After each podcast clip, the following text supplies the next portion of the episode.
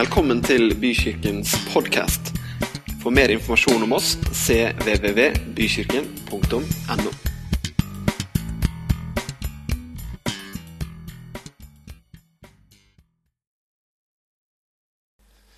Einar har fått datter på 16 år. Kjenner han begynner å bli gammel. Faren min eh, har det verre. Han sier det er veldig rart jeg har fått en sønn som snart er 50 år. Da begynner det å, da begynner det å dra på, altså. Han sier det innimellom, skjønner du. Men sånn er det. Jeg har eh, på jobben der, der jeg jobber På jobben min Der, eh, der er det en til som heter Magnar. Jeg heter Magnar også. Så det er en til som heter Magnar der, og da var det en dag en som ringte ned og sa Vi er akkurat like gamle, da. Eh, samme årgang faktisk også. Så vi fant ut at det var det året, 1967, hvor noen kalte noen for Magnar, for det gikk veldig fort ut av markedet. Eh, og aldri kom tilbake igjen. Men eh, da var det en som ringte ned og sa jeg skulle gjerne snakke, ha tak i Magnar. Han unge. Det var meg. Det, det likte jeg. Yes. Vi tar med oss alt vi kan. Vi gjør det, altså. Eh, skal snakke, I dag skal jeg snakke opp eh, om en liten kroppsdel, faktisk. Jeg skal bruke hele, hele talen på å snakke om en liten kroppsdel som vi alle har, så vidt jeg vet, Som er litt vanskelig å holde i sjakk. Jeg skal begynne med å fortelle en historie. Jeg skal ikke avsløre temaet helt med en gang. Men jeg har jo hatt båt i mange år. Nå har jeg falt veldig langt ned på skalaen, for nå er jeg bare 14 fots jolle. Men en gang i tida så hadde jeg ordentlige båter. da. Og hadde en trebåt, Antonie, fra 1939. En sånn fin tresnekke på 24 fot som vi likte å være mye i. Og vi reiste jo på ferie innimellom også med den båten, og jeg har vært sånn som har passa på båtene bra. jeg altså. Gjort ganske mye jobb med dem, prøvd å holde dem i orden og hatt glede av det. Eh, og så var det et år vi på, skulle på ferie med den båten her, og vi tok turen over til andre sida. Vi tøffa over til, vest, eh, til Østfold, fra Vestfold til Østfold. Og vi tenkte vi skulle videre ned Østfoldkysten, og skal vi over til Kosterøyene. Og akkurat fra, fra Østfoldsida og over til Kosterøyene så det, kan det være litt værhardt. Der står havet rett inn, og det kan dra seg opp ganske grov sjø hvis du skal ut dit. Men det var litt vind den dagen vi skulle ta den siste økta over til Kosterøyene. Jeg tenkte det, det går bra. Den båten den, den tåler litt sjø, og det går fint. Så vi satte i vei og kom ut på, ut på det havområdet der. Og der var det mye bølger. Litt mer enn det jeg hadde regna med. Men eh, det er kanskje en sånn 20-25 25 minutter til en halvtime å komme seg over der. Jeg tenkte at det her går bra. Vi kjører rett mot bølgene, og det, vi skjærer gjennom. Og vi satte i gang og kjørte. Det var jo flere andre båter i området òg. Og så, når vi kommer ganske midt utpå der, så skjer det noe som er kjempedramatisk. Og det er ikke på tull heller. For plutselig så kjenner jeg stå med roret. For dere som er litt greie på gamle båter, så var det sleperor.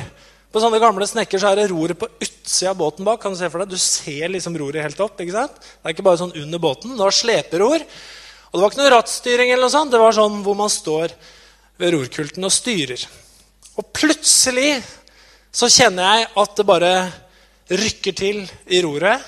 Og helt på et brøkdel av et sekund så skjønner jeg hva som skjer. Roret har knekket. Jeg, eller et eller annet har skjedd. Og jeg kaster meg bakover, kaster meg over roret, som stikker så vidt opp bak der, og får tak i det. Og det er klart, Båten i den grove sjøen var allerede på vei til å skingle på sida. Det hadde jo ikke vært så gøy å, å komme på sida i den sjøen. Jeg får kasta meg over roret, får tak i det og får skjønne hva som har skjedd. For på det roret så er det to hengsler. Det er én helt nederst i bånn, hvor det er en liten tapp som sitter ned i et hull. Og så er det en hengsle på midten.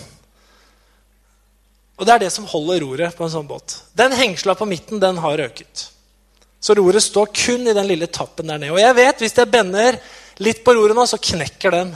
Den tåler ingenting. Da knekker så mister vi roret. Og da, da er det ikke greit. Så jeg får tak i roret, får spent opp beinet mitt på, oppå rellinga mot rorkulten og må da stå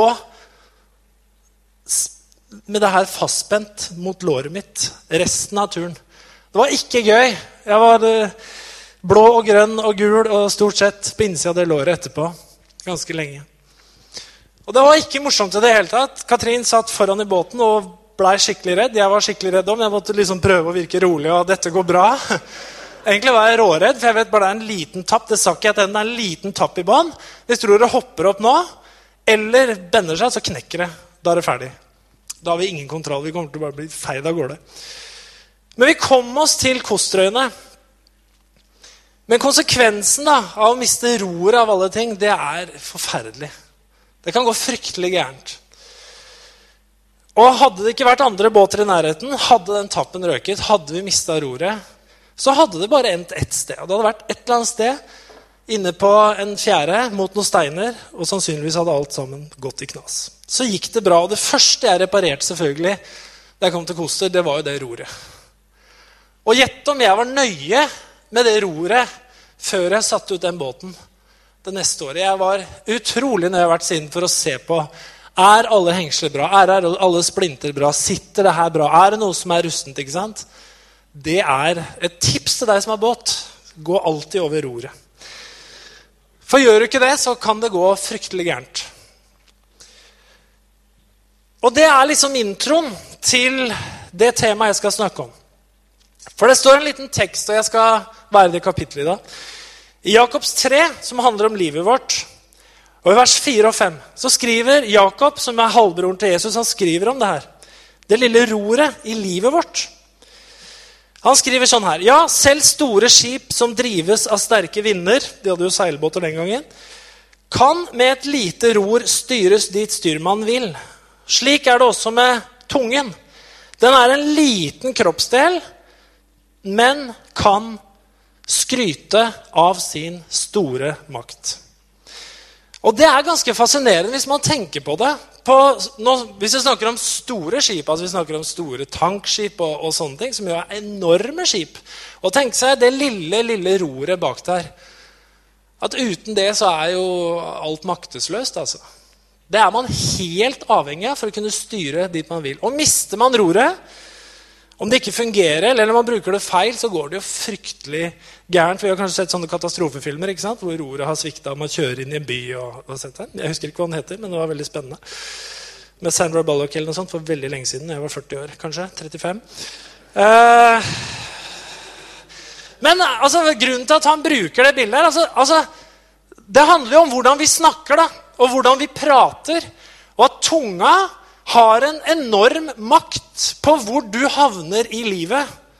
Og hvordan livet ditt og hvordan livet rundt deg blir seende ut. Det Jakob sier her, er at på samme måte som et, eh, et ror som er ute av styring eller ikke virker, kan eh, knuse en båt, så kan måten vi snakker på, det kan enten hjelpe oss fram til destinasjonen, eller det kan ruinere alt vi har. Det er en voldsom makt i det her. Jeg har lyst til å lese Jeg kan, eh, tenkte jeg skulle ta og lese hele teksten, så vi får det litt i sin sammenheng. For saken er den at Jakob han bruker jo han bruker veldig sterke ord og egentlig veldig sånn negative, ganske kraftige karakteristikker om, eh, om eh, tunga vår. Hvis man leser det sånn, så tenker man er det så ille, liksom? Nå skal vi lese fra Jakob 3. Skal vi se. Skal jeg bare finne det her. Fra Jakob 3 eh, så, så står det litt om uh, tunga.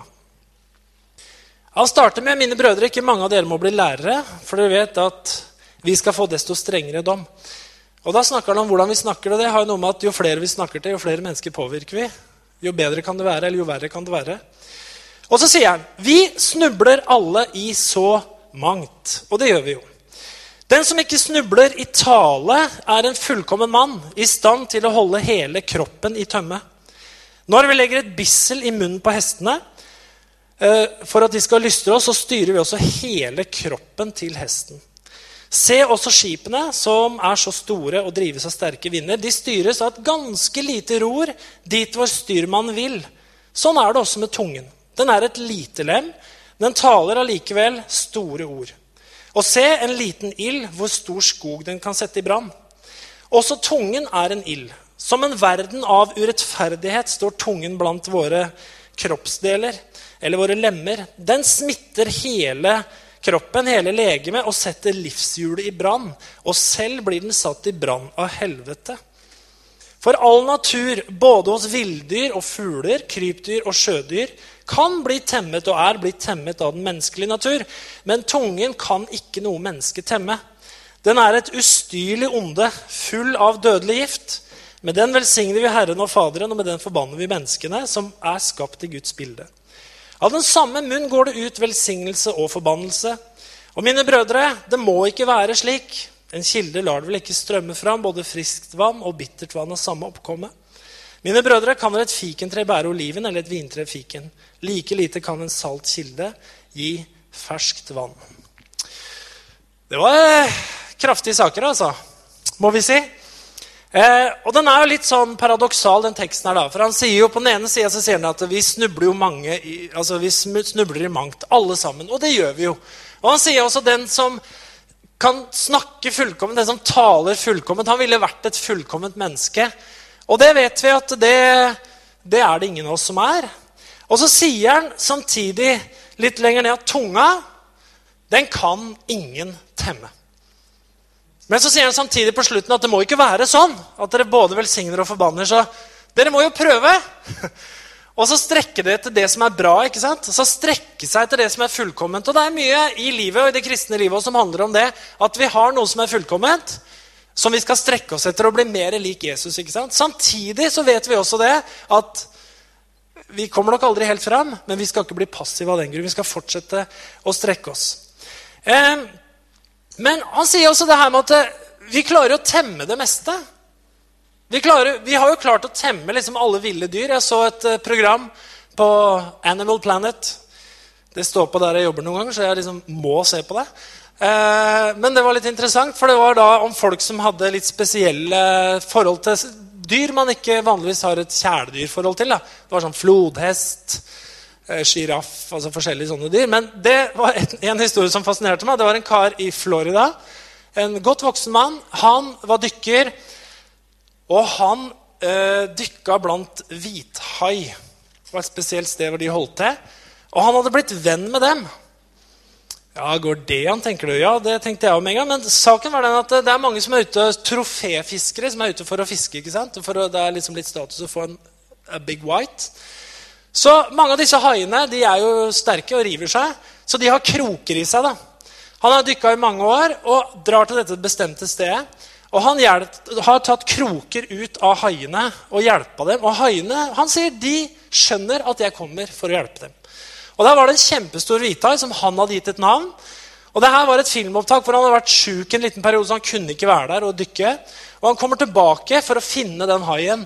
Og den kommer, og de finner hverandre. Og han mener hun kjenner meg igjen. Han sirkler rundt og kommer bort til han. Det her så jeg på film altså. It's true. Han hadde da en krok langt inni munnen. Altså ikke på utsida, men godt inni den hvithaien her. Og han sa at 'jeg ville veldig gjerne ta ut den kroken'.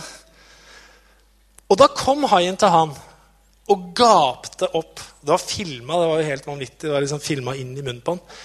Og han sa det her kunne ingen andre gjort, men jeg kan gjøre det. for den kjenner meg etter Så mange år. Så han stikker armen inn i kjeften på hvithaien og tar ut kroken. That's it. Det gikk bra. Det gikk bra. That's it. Hørtes ut som han døde. ikke sant? Ja. Men han har jo rett, da, altså Jakob sier. Vi, jo, vi, klarer å temme altså Det er jo tigre, det er jo løver. ikke sant? Man klarer å temme ville dyr. Men tunga, sier han, den er, eh, den er ingen som klarer å temme. Og den har du i munnen. Den har jeg i munnen. Så Det er jo interessant. Så til saken. Hvordan snakker vi? Saken er jo at hva vi sier, og hvordan vi sier det vi sier, det definerer i veldig stor grad livet vårt, hvem vi er. Det definerer liksom selvbildet vårt, og det definerer veldig mye hvordan folk ser på oss. Hvem er du? Det har veldig mye med hvordan vi snakker å gjøre. Og det har jo noe med at ord skaper. Ord skaper. Når Gud skapte verden, så sendte han jo ikke en gjeng med ingeniører, og landskapsarkitekter og biologer. Nei, det står han talte, og det ble. Han talte, og det ble. Altså, Gud skapte gjennom ord. Det her, så det her fins helt fra starten av i Guds natur.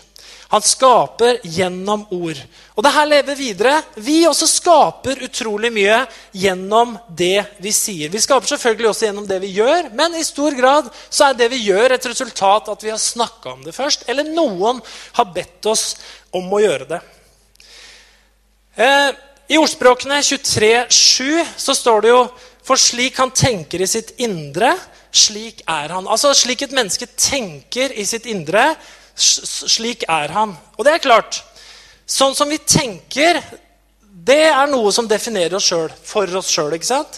Men det vi sier, det forteller hvem vi er til andre. Og det vi sier, det skaper ting rundt oss. Og Sånn er det også med det her med tro og frelse. ikke sant? Det handler ikke bare om å tenke. Det handler ikke bare om å ha et indre liv. Mange mennesker går det gjør jo mange mennesker. De går rundt og de tenker på eksistensielle spørsmål. De tenker på fins det en Gud. Hva skjer når jeg dør? Er det et liv etter døden? ikke sant? Og man tenker og man funderer og lurer på det. Og noen ganger så man tenker ja, det er, det er, må være noe mer. Det må være en Gud. Og andre ganger så kanskje man har slått det fra seg. Men Bibelen snakker jo litt om det her med å bli en kristen. Eksempel. handler ikke bare om å tenke og å tro. Men det handler om å tenke og tro og så handler det om å si det.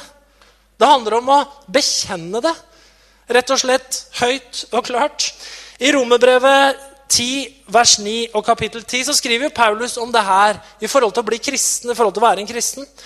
For hvis du med din munn bekjenner at Jesus er Herre, og i ditt hjerte tror at Gud har oppreist ham fra de døde, da skal du bli frelst.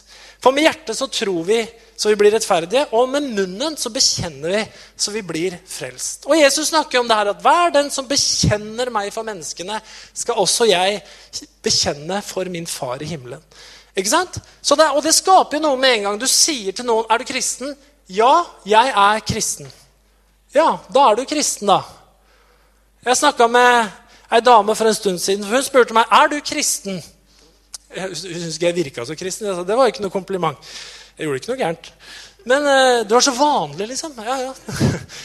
Hvor mange kristne kjenner du, tenkte jeg da. Men i hvert fall, Så du er kristen? Ja, jeg er kristen.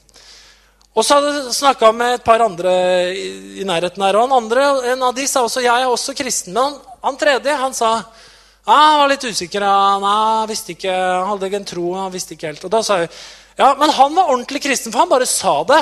Men han andre han veit jeg ikke. liksom. Fikk jeg ikke ut av. Men det det liksom konstituerer oss, da. Det vi sier. Det vi bekjenner. ikke sant? Eh, men hvordan snakker vi? Hvordan skal vi snakke? Eh, da Jesus gikk her på jorda, så var det, som det fortsatt er, det var stadig snakk om rett og galt. Eh, rent og urent. ikke sant? Hvordan skulle man gjøre, hvordan skulle man ikke gjøre i forhold til å være god og hellig og være troende? Det var spørsmål om hva skal vi spise, hva skal vi ikke spise. Hva kan vi drikke, hva kan vi ikke drikke? Hvordan skal vi holde helligdagen hellig, og hvordan skal vi ikke holde helligdagen hellig? Hvordan skal man gjøre alt det her? Eh, når skal vi vaske hendene, når skal vi ikke vaske hendene? Altså, det var mange diskusjoner hele tida. Og de kom jo til Jesus og spør litt om det her, detaljene rundt det her. Hva er det som er rent, og hva er det som er urent? Eh, og Jesus svarer på det i Matteus 15 og vers 11 og sier sånn her for, hør, hør nå og forstå det her. Det som kommer inn i munnen, det gjør ikke et menneske urent. Men det som går ut av munnen, det gjør mennesket urent. Altså, hva er det du sier? Hvordan snakker du? Hva er, du, hva er det du forteller til andre mennesker? Hvordan du behandler andre mennesker med ordene dine? Og Peter han kommer tilbake litt seinere, fordi at folk ble sure når han bare sa det sånn. Peter tok til orde og sa da i vers 15.: eh, Forklar denne lignelsen for oss. Forstår dere ingenting, dere heller? Og Jesus sier igjen, skjønner dere ikke at alt det som kommer inn i munnen, det går ned i magen og ut igjen? Men det som går ut av munnen, det kommer fra menneskets hjerte. Og det er det som gjør mennesket urent. For fra hjertet så kommer det onde tanker, mord, ekteskapsbrudd, hor, tyveri, falsk vitnesbyrd og spott. Det er sånn som gjør mennesker urent.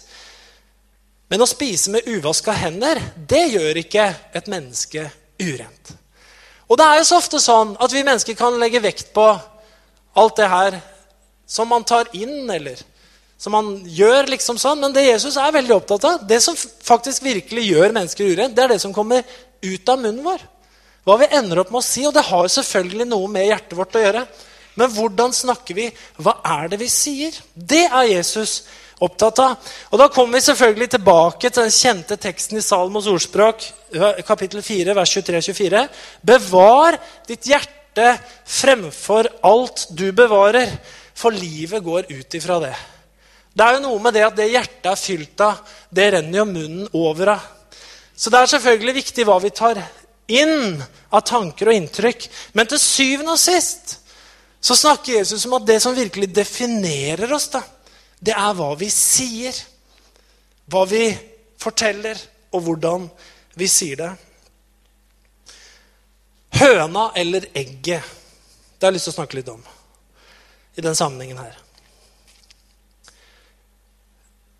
For eksempel Han snakker om svik, da. Ikke bruk munn til svik. Det gjør deg uren. F.eks. dropp baktalelse. Men når vi snakker Når vi baktaler noen Det hender det vi gjør. Noen gjør det ganske mye, og noen gjør det veldig sjelden. Men innimellom så gjør vi det alle sammen. Når vi kommer med negative karakteristikker Noen er veldig rett ute og kaller folk for tulling og idiot og fehu ikke sant? og bøh, sånn her. Men vi som har lært, og liksom kanskje har som ideal at vi ikke skal snakke sånn, er ordentlig oppdratt. Vi blir litt mer sånn subtile, ikke sant? Vi sier ikke sånn. Men allikevel så kan vi, så kan vi baksnakke på litt sånne lure måter. Du kan spørre noen hvordan eh, hvordan går det med dere, da? Hvordan går det med, med deg og Leif i ekteskapet, liksom? Jo, du veit, eh, Leif er mye ute og reiser i jobben, han. Ja, hva slags svar er det? Ja, hva, hva hører du da? Men går det bra med han? Jo da, du veit, eh, Leif er glad i å leve, vet du. Jeg har ikke sagt så mye gærent, altså, men hva slags inntrykk sitter man igjen med? Det er litt sånn... Jeg tror ikke de har det så bra, gitt. Jeg tror Leif er, eh, holder seg borte hjemmefra mye. Det virker som han reiser mer enn han trenger, og ikke er glad i familien sin. og glad i livet. og veit aldri hva som skjer ute på de reisene til Leif. Altså det, er, det, kan være oppfølgingskommentar neste gang man treffer noen andre. Åssen går det med de? Det skaper så utrolig mye, da. Og Bibelen er veldig opptatt av at vi skal passe på de tinga her. Det er så lett å falle i det her. Og vi føler sikkert at det er så rettferdig mange ganger når vi gjør det, for vi må jo beskrive virkeligheten. Og det må vi selvfølgelig mange ganger gjøre. Men hvordan gjør vi det? Jeg har jobba mye sammen med mennesker, og med mennesker, og jeg gjør det fortsatt der jeg jobber. Jeg jobber i Tønsberg kommune nå med innen psykiatri. Eh, og mange ganger, veldig ofte, når man snakker med folk som har det skikkelig vanskelig i livet. De har kommet til en utrolig vanskelig plass i livet som ikke bare har vart en uke, men som kanskje bare har vært sånn lenge. da. Livet har gått ordentlig i stå. Så er det så ofte at jeg hører at det er ord de ikke skulle ha hørt, som de har hørt. Og det er ord de skulle ha hørt, som de dessverre ikke har fått høre. Mange ganger så forteller mennesker som har det vanskelig, de kan si 'Jeg har bare hørt hele livet at jeg er en dritt'. Jeg har hørt at jeg var uønska. Jeg har hørt at jeg ikke får til noen ting. Jeg har hørt at jeg er en taper. Jeg har hørt at jeg er fra en dårlig familie. Jeg har hørt at jeg er fattig. Jeg har hørt at det er typisk at alt går i stykker når jeg kommer. Det kan man ha hørt fra man er liten. Man kan ha blitt mobba på skolen. Man kan ha hørt det av egne nære. Man kan ha hørt av sine egne foreldre, man kan ha hørt det av de som skulle vært der, man kan ha hørt det av lærere, man kan ha hørt det av andre folk som skulle være viktige. da. Og så er det noe med det her at det, ting som folk snakker inn i livet vårt, det begynner vi å repetere, vet du. Vi begynner å si det sjøl òg. Hvis du blir fortalt mange nok ganger du er ingenting, du, er, du kan ingenting, du får ikke til noen ting, så ender du opp Bare du har hørt det lenge, at man går og sier Ja, men du klarer, kan jeg si da. ikke sant? Nei, jeg gjør ikke det. Jeg klarer ingenting. Jeg får ikke til noen ting. Jeg er ikke verdt noen ting. Livet mitt er ikke verdt å leve. Men som regel er det noen som har fortalt dem det før. Og så er det helt motsatt. Hvor andre Det går bra, vet du. De når fram. De vinner tilsynelatende på alle arenaer. Og ikke så rent sjelden som kan du høre de fortelle. Jeg har alltid fått høre Jeg har alltid fått høre av mamma og pappa at de elsker meg. Jeg har alltid fått høre av vennene mine at de støtter meg. Og hvis jeg ikke klarer noe, så får jeg hjelp til å klare det. Så klarer jeg det likevel. Jeg har alltid fått høre at jeg er verdt noe. ikke sant? Jeg har alltid fått høre at jeg er bra uansett om det går opp eller ned i livet. Og at jeg ønska Jeg har alltid fått høre det her. Og så begynner man å repetere det her sjøl. Og jeg kommer til å fikse det. vet du. Det ordner seg for meg. Jeg klarer det her. Det går bra. Det er vanskelig om jeg veit at det ordner seg for meg. Det er det jeg har hørt hele livet. Ikke sant? Ord. Det skaper så utrolig mye. Skuta blir styrt av roret. Tunga. Hva slags ord er det vi gir? Hva slags ord er det vi snakker til de som er rundt oss? Det skaper identitet, ikke sant? Tro, håp og kjærlighet. Og jeg tror at ord da, i stor grad de blir selvoppfyllende profetier. Og jeg tror at mange ganger så skaper vi mye mer enn vi er klar over gjennom hvordan vi snakker. Og det er på alle områder i livet. Jeg mener, Ta arbeidslivet. ikke sant? Fleste av dere er eller har vært i arbeidslivet, er på vei inn i. Vi har sikkert mange av oss, vi har sittet i personalmøter, vi har sittet i styremøter. ikke sant? Og vi vet hvor mye ord styrer av hvordan stemninga blir. Hvordan det her blir. altså. Og da skal kanskje alle få lov å beskrive virkeligheten. Hvor, hvor er vi nå? Og så vet vi hvor forskjellig det kan være. Du kan jo ha en ikke sant, som er det, er det er krise. Altså, Nå går det gærent. Nå er det det, og det er det, og det er det, og det er det. Og nå er det på full krasj her. ikke sant? Og så sitter det kanskje en annen der som sier jeg er ikke enig i det. Vi har utfordringer, men dette klarer vi, vet du. Fordi at det, det, det, det, Og vi er en bra gjeng. Og vi har troa. Og så er det hvem er det som vinner? Hvilke ord er det som vinner? Når du går ut av det møtet, så, folk så snakker folk sånn her. Hvis de, han er det første har vunnet, så er det nå er det krise. Nå er det, nå er det, nå er det full, fullstendig krise her. Nå, nå går det rett på skjæret. Og jeg veit ikke om jeg skal være med engang. Altså, jeg, jeg, jeg, jeg, tror kanskje jeg hopper av. Men hvis han andre vant, så går man kanskje ut og snakker Jepp, da fikk vi klarert. Det er noen ting vi trenger å jobbe med. Men jeg er glad for å merke vi står sammen. Vi skal jobbe. Dette fikser vi. Dette klarer vi. Ikke sant? Ord skaper følelser og holdninger. Og jeg tror vi det må være klar over på så mange arenaer. Og da er egentlig litt spørsmålet er det høna eller egget som kom først i forhold til hvordan, hvordan virkeligheten rundt oss blir. Er barnet mitt så dårlig at det er løgn å si at det er bra? Eller er barnet mitt blitt så dårlig for jeg har fortalt det så mange ganger? Er sjefen min så dårlig at det blir løgn å finne noe positivt om vedkommende? Eller er sjefen min så dårlig fordi at vi snakker så dårlig om den sjefen at han kjenner at han blir gjort så dårlig. Og hver gang han gjør noe bra, så er det dårlig likevel. Eller er menigheten min så dårlig at det blir løgn å si noe annet?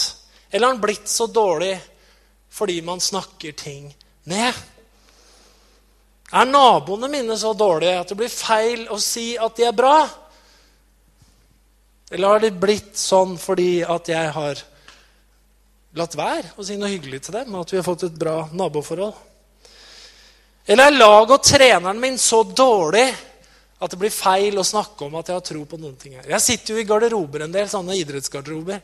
Og vet du hva? Noen mennesker de kan jo snakke et lag i stykker. altså. Trenere kan jo snakke et lag i stykker. Alle slutter, ingen har lyst til å være der. Dere gir ikke alt! Det er bare latsabber her, og det er bare du, du, du, ikke sant? slutter jo folk. Det blir sånn negativ greie. Så er det andre som snakker folk opp. Vi tapte i dag, men det var mye bra. Jeg så du gjorde et bra løp der, jeg så du gjorde det, og du bomma der, men allikevel, det var et kjempeforsøk. ikke sant? Neste gang så kanskje du lykkes, osv. Som gutten min som er på leirskolen, nå. De hadde jo litt regn kan du si, her da, om natta. Sov litt dårlig. Så lå i telt. Det var jo heftig. Så de hadde våkna, sovet og våkna mange ganger. da. Så da var spørsmålet fra læreren, som hun er veldig bra på sånn som det her Åssen har dere sovet? Ja, våkna mange ganger og Ja, dere har ikke våkna mange ganger, vet du. Dere har sovet mange ganger. Det er bra, ikke sant? Jeg har sovet så mange ganger på den turen. Sikkert 20 ganger den natta der. Men her, altså de orda vi bruker og velger om familien vår, om jobben vår, om det som er rundt oss, om naboer, om, om kirken vår, overalt Vi skaper jo, ikke sant? Vi skaper positive og negative greier. Vi veit jo åssen det er når folk gleder seg det er forunderlig, det her. vet du. Når f.eks. er eh, en kristen festival, eller noe sånt, og så er det 'Å, jeg gleder meg så, gleder meg så vanvittig', sier noen da. 'Å ja, gjør du det?' 'Ja. Å ja.' Ja, ja, ja, ja, det blir bra. Jeg, ja, jeg begynner å glede meg, jeg òg. Når du sier at du gleder deg så mye, så begynner jeg å glede meg òg. Så gleder vi jo to oss, og så treffer vi tredjemann, og vi gleder oss. Ja, Gleder du deg ikke til festivalen? Jeg har ikke tenkt så mye. Ja, Vi gleder oss skikkelig. Ja, jeg gleder meg, jeg òg, faktisk. Gleder meg veldig. Og så blir det en hel haug av folk som gleder seg, og så er det liksom det har, ikke, det har ikke skjedd noen ting ennå. Det er bare annonse. ikke sant? Sånn Camp Bykirken, ikke sant? Ja, hva gjør vi med den, da? Ja, Gleder du deg? Ja, ja, jeg gleder meg. Jeg gleder meg faktisk. Og så, ja, ja, kanskje jeg skal begynne å glede meg litt og snakke litt bra om det. Og så, så får jeg en bra start. Sånn er, det med, sånn er det med livet. Det er litt høna og legget. Hva, som, hva kommer først? da? Det er ikke godt å svare på, for det er litt sant begge deler. Nyttige og unyttige ord. Matteus 12, 34-37. Litt tilbake til noe vi snakka om i stad. Men Jesus sier sånn her Det hjertet er fullt av, det taler jo munnen. Et godt menneske henter fram gode ting av sitt gode forråd, og et ondt menneske henter fram onde ting av sitt onde forråd. Det sier jeg dere hvert det har jeg hørt mange ganger folk lurer litt på. Hvert unyttig ord menneskene sier, skal de svare for på dommens dag. Ja, etter dine ord skal du kjennes rettferdig, og etter dine ord skal du dømmes skyldig. Hvert unyttig ord, det må vi snakke litt om. Vi snakker jo ganske mye. Jeg har også hørt at kvinner snakker, tre ganger, tre, bruker tre ganger, ganger mange ord som menn i løpet av et døgn, så dere er jo enda tynnere ute her. Jeg vet ikke om det er riktig, jeg har bare hørt en vill påstand. De sier noe, det er derfor man, vi menn ikke snakker når vi kommer hjem, for vi har brukt opp alle ordene våre på jobben. Så når vi kommer hjem, så har vi ikke ja, ja, orker ikke å snakke mer. Hun sa jo det. 'Ola, du elsker meg jo ikke lenger. Jeg lurer på om jeg vil skilles.' Elsker deg ikke? Hvor har du fått det fra? Ja, du sier jo aldri til meg. Om det sa jeg når vi gifta oss. Og hvis det forandrer seg, skal jeg si ifra. Det er noe med det at det, følelser, da Det er jo ferskvare, er det ikke det? Veldig ofte, Og tanker òg. Ikke alle tanker. Det er noe du liksom holder litt fast på. To pluss to er fire og sånn. Men, men altså, følelser og tanker er jo i veldig stor grad ferskvare. Du kan jo sitte med en idé, en holdning, en følelse rundt noe. Så kan det komme et menneske til deg med en autentisk historie. Fortell kanskje livshistorien sin om noe du har noen tanker om. Og så, i løpet av noen minutter, så snur følelsene dine. Hvorfor det? Fordi noen forteller deg noe. For noen skaper noe når de prater til deg. ikke sant? Så det holder ikke å si 'jeg, jeg elsker deg' bare én gang for 30 år siden. Det må man si, vet du. Støtt og stadig. Kan aldri si for mye av det.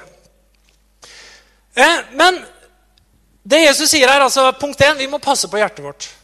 Hva er det vi tar inn av inntrykk osv.? Og det, jeg tenker at vi som, vi som, lever nå, vi må jo passe på det enda mer. For nå er det jo, Før, når jeg vokste opp, så var det jo sånn at da hadde vi tre TV-kanaler. Det var NRK.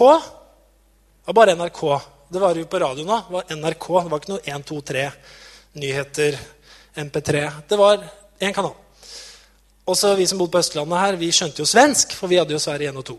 De på Vestlandet skjønte ikke svensk, for de hadde ikke svensk TV. Men det var jo ikke så Og så var det lokalavisa, da. Og kanskje en riksavis som du tok med deg. Men i dag så får vi en enormt med budskap på sosiale medier. Alle, alle, kan jo si hva de mener hele tida, og det er det jo også mange som gjør. Og vi har nettroll ikke sant? og alt det her som har booma skikkelig. Og det som er litt farlig, det er det at i dag, hvis du har en mening om noe, så kan du finne deg dine egne nyhetskilder som er helt enige med deg. Du kan finne foraer hvor alle er enige med deg. Du kan finne sant, en rekke ulike kanaler og fora hvor alle som er der, de er e- akkurat enige med deg. Og da blir jo det enda større. Og så blir jo frontene enda steilere. Fordi man snakker jo ikke med hverandre, og man hører ikke andres ord lenger. Man hører bare et ekko av sine egne ord. Og det gjelder jo i alle bauger og kanter. Så det her er jo veldig viktig, faktisk. det her altså passer på hjertet sitt, for ord skaper følelser. Folk som blir radikalisert i dag. ja, men Han var jo en hyggelig familiemann ikke sant? og var kjempegrei og tok med ungene til barnehage hver dag. Plutselig så kjører han lastebil inn i masse mennesker. Altså, Da har du vært inne i en av de stedene hvor det er ett budskap, hvor det er én type ord som går hele tida, så har du kutta ut alt annet.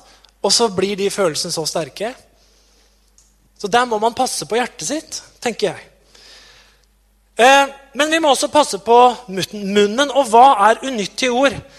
Det er jo Ja, hva er unyttig ord, dere? Det høres ut som det er utrolig praktisk. Må bare si det som er strengt nyttig. Altså, eh, Det høres kjedelig ut. Er det unyttig å si 'Nei, så deilig vær der i dag'? Eller 'Nå gleder jeg meg til ferien'? Jeg tenker at det ikke er unyttig. Jeg tenker at det er nyttige ord. Å si at 'jeg gleder meg til ferien', det er nyttige ord. Hvorfor det? Fordi det er glede i det. Og jeg gir deg muligheten til å glede deg sammen med meg. Og da kanskje du spør ja, hvor skal du hen, da? Og da sier jeg jeg skal til Danmark. Det skal jeg. Det er sant, det jeg sier nå. Jeg skal til Danmark. Og da har du muligheten til å gjøre det her til en nyttig samtale. Da kan du si, Hvis du skal gjøre en veldig unyttig, så kan du si Danmark. Jeg var på camping der. Det er ikke de beste campingplassene i Danmark, kan du si. Det er mye bedre i Tyskland. og da blei den samtalen plutselig veldig unyttig, for da trykte du meg ned, da ja, vi skal jo til Danmark, da. Og så var vi ferdig med den praten. Men du har også muligheten til å glede deg sammen med meg. da. Og si Danmark, ja. Det er deilig å være norsk i Danmark. Så kan du prøve sånn dårlig dansk. ikke sant? Som du tror er bra, helt til du treffer en danske som ikke skjønner hva du sier. Det skjer jo. Jeg gjorde det en gang vi var i Danmark. Så skulle jeg prøve å bestille is på dansk. Jeg tenkte jeg gjorde det helt riktig. Og så sa han inni bua Hva ser du? Jeg tar det på norsk. Det, det gikk bra. Men da blir den samtalen nyttig.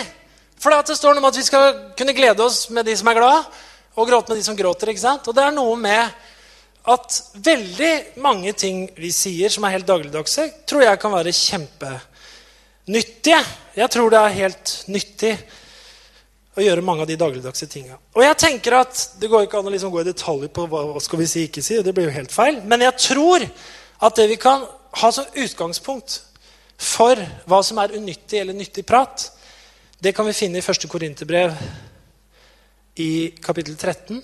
Og det skal jeg begynne å runde av med. For der står det jo noe fantastisk mye fint. Men ikke minst så Det kalles for kjærlighetens eh, kapittel. Eh, og i vers 4-7 så står det noe om kjærligheten. For Gud er kjærlighet. Og så sier han at vi skal ligne på han, og at vi skal leve i kjærlighet. Så sier han Det her er veldig praktisk, egentlig. Kjærligheten er tålmodig. Kjærligheten er velvillig. Den misunner ikke, den skryter ikke, er ikke hovmodig, altså ikke stolt. Kjærligheten krenker ikke, søker ikke sitt eget, er ikke oppfarende, og gjemmer ikke på det onde. Den gleder seg ikke over urett, men har sin glede i sannheten. Kjærligheten utholder alt, tror alt, håper alt, tåler alt. Og I vers 13 så blir da disse stående, disse tre, tro, og kjærlighet, men størst blant dem er kjærligheten. Og jeg tenker at så lenge den vi er, da, og det vi snakker ut ifra, er de holdningene her, så er det nyttig nesten uansett altså, hva du gjør. Da er det ikke unyttig å ta en kopp kaffe og oppmuntre noen som holder på med et uh, prosjekt på jobben. Det er ikke unyttig i det hele tatt. Det er jo kjempenyttig. Og jeg tenker hvis noen, kan, hvis noen har vært sammen med meg, eller noen har vært sammen med deg, og de går fra den samtalen, nesten uansett hva du har snakka om, men de går derfra litt lettere, litt gladere, eh, har lyst til å fortsette å leve og jobbe og gjøre, ikke sant? så er det kjempenyttig. Det er til og med nyttig å sitte sammen med noen venner og fortelle gamle historier og le og ha det kjempegøy av gamle feil man gjorde, f.eks. Du vet, Bitre folk ler jo ikke av gamle feil. Ja, De gjør jo ikke det. Det er du, du drar opp i de sureste øyeblikkene. Ja, du husker vel den gangen hvor du skulle, og så, og så gjorde du det, og alt gikk jo gærent. Det er sånn, Da er det ikke nyttig. Det er ikke nyttig til noen ting, annet enn at eh, man blir bøyd ned og ja, jeg er kjempedum. ikke sant? Men hvis man kan le av det, så er det jo bra, tenker jeg. Da er det ikke så selvhøytidelig. Du kan jo befri folk ikke sant? fra å være nedtrykt av gamle ting. Fordi at eh, kjærligheten gjemmer ikke på det onde bruker ikke gamle feil om igjen og om igjen. Vi får gjenbruk, men ikke på den måten. Man kan også liksom Gjenbruk handler om å lage nye ting av gamle greier. ikke sant? Så det er det man må gjøre med feil òg. Man må jo liksom ha gjenbruk på den måten at eh, man lager en helt annen ting da, som er nyttig nå som vi lever nå. Så i forhold til hjertet vårt så er det jo til syvende og sist det som styrer det vi sier så er Bibelens klare oppfordring at vi, vi må passe på det. Vi, vi passe. Og, jeg, og, jeg, tror det er en følelse, da. Jeg, jeg, tenker sånn at jeg får følelser. Noen ganger så blir jeg sinna. Og så blir jeg opprørt. Og så får jeg lyst til å rase litt og si eller skrive eller være sint og skjelle ut noen. Og så, hvis jeg gjør det, så skjer det masse dårlig. Men hvis jeg tar meg litt i det, da, og så prøver jeg å tenke fra liksom Guds perspektiv da, Og prøve å tenke velvillig, tenke velvillig, så forandrer følelsene, sine, følelsene mine seg. Og så sier jeg ting på en annen måte. Det betyr jo ikke at vi skal være unnvikende. Det betyr ikke at vi ikke skal snakke om ting som er urett eller feil. Men det er jo måten som vi gjør det på, som er så utrolig viktig. Og Derfor så skal jeg avslutte helt til slutt med et vers som står i Paulus skriver til menigheten i Filippi, kapittel 4, vers 8. I 1930-oversettelsen ikke så ofte jeg leser fra den, så står det For øvrig, brødre, alt som er sant, alt som er æreverdt, alt som er rettferdig, alt som er rent, alt som er elsker eller verdt å elske, alt som tales vel om, enhver dyd, og alt det som er verdt å prise eller priselig, gi akt på det. Eller legg vind på det, eller legg merke til det. Og det tror jeg er noe med hvordan vi får det inn i hjertet vårt gjennom livet. da. Hva er det vi legger merke til? Hva er det jeg legger merke til hos deg? Jeg kan, jeg kan finne feil hos deg. Du kan finne feil hos meg. Det er ikke vanskelig. Men jeg kan også finne kjempebra ting hos deg. Og du kan finne i all ydmykhet noen ting som er bra hos meg. Og da er spørsmålet hva skal du gi akt på? Hva er det du skal legge vind på? Hvor skal tyngdepunktet være?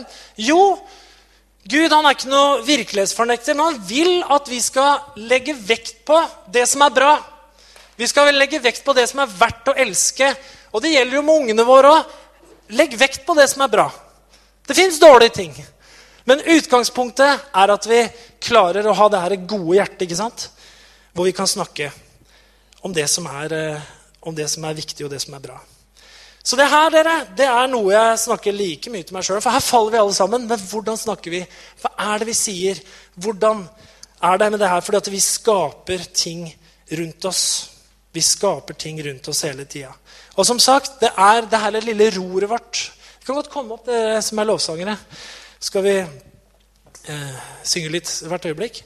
Men det er det lille roret som jeg begynte med å fortelle om. Når man står der på båten, da, så er det det som er så utrolig avgjørende, og som skaper så mye rundt oss. Det er hvordan vi snakker. Mm. Jeg takker deg, Jesus, for at det her kan vi komme til deg med. Og vi må erkjenne at her trenger vi virkelig hjelp av deg. Du sier i ditt ord her at eh, det skal ikke være sånn hos oss at det kommer ut både bittert og, og, søtt av samme kilde. Men du ønsker at det skal komme noe søtt ut av kilden vår. Du ønsker at det skal komme noe godt ut av våre liv, ut av våre hjerter og ut av våre munner, Herre. Så vi kan skape det som er godt rundt oss. Og Jeg takker deg, Hellige Far, for at du hjelper oss med det. Og så ber jeg også, Herre, at du minner oss på og lærer oss litt at det her med å skape livet vårt, det her med å skape omstendighetene rundt oss, det her med å skape miljøet rundt oss, Herre, det har mye med hvordan vi snakker å gjøre. Og det har også med vår frelse å gjøre. Takk, Herre, også at vi kan få lov å bekjenne vår tro. At ikke det bare er noe vi tenker og har inni oss, men det er noe vi kan bekjenne med vår munn. Vi skal ta oss og reise oss. Så skal vi synge hvert øyeblikk. Men det er også sånn her at det å bekjenne troen, det skaper faktisk noe fantastisk i deg. Og også rundt deg. Og jeg kjenner ikke alle som er her. Hvis du, kanskje du er her i formiddag. Som, eh, kanskje du er en tenker. Kanskje du har gått og tenkt. Kanskje du er en som tenker at det fins en Gud. Jeg tror at Jesus jeg tror at Jesus er en historisk person som har levd. Og jeg tror at han eh, døde på korset. Og på at påskens budskap er sant. At han faktisk sto opp igjen. Jeg, jeg tror det stemmer. Jeg tror på det. Men du, kanskje ikke du har bekjent det. Kanskje ikke du har sagt det. Jeg tror at Jesus er min frelser. Så er det noe du kan si. Jeg vil bare spørre spørsmålet. Eh, hvis alle lukker øynene et bitte lite øyeblikk Om du er her som ønsker å si det, eller bestemme deg for å si det, og si det nå, men ikke har gjort det før, kan du ikke rekke opp hånda, så jeg ser den. Gud velsigne deg. Gud velsigne deg. Vi skal ta og vi skal ta oss og si en bekjennelse sammen. Sånn at eh, også du som rakk opp hånda, kan få muligheten til å si det. Skal vi si det sammen? Jeg sier først, og så kan vi si sammen etterpå. Jesus Kristus. Jeg tror at du er Guds sønn. Jeg tror at du døde for mine synder. Og at når du sto opp igjen så var mine synder sona. Så jeg bekjenner deg som min frelser og som min Herre. Takk, Jesus, for at du kommer inn i mitt hjerte og fyller meg med Den hellige ånd og sterkere tro. I Jesu navn. Amen. Hvis du mente det med hjertet ditt og sa det nå, da er du en kristen. Og du fortsetter å si det. Amen. Gud velsigne oss, og så tar vi vare på roret vårt. Amen.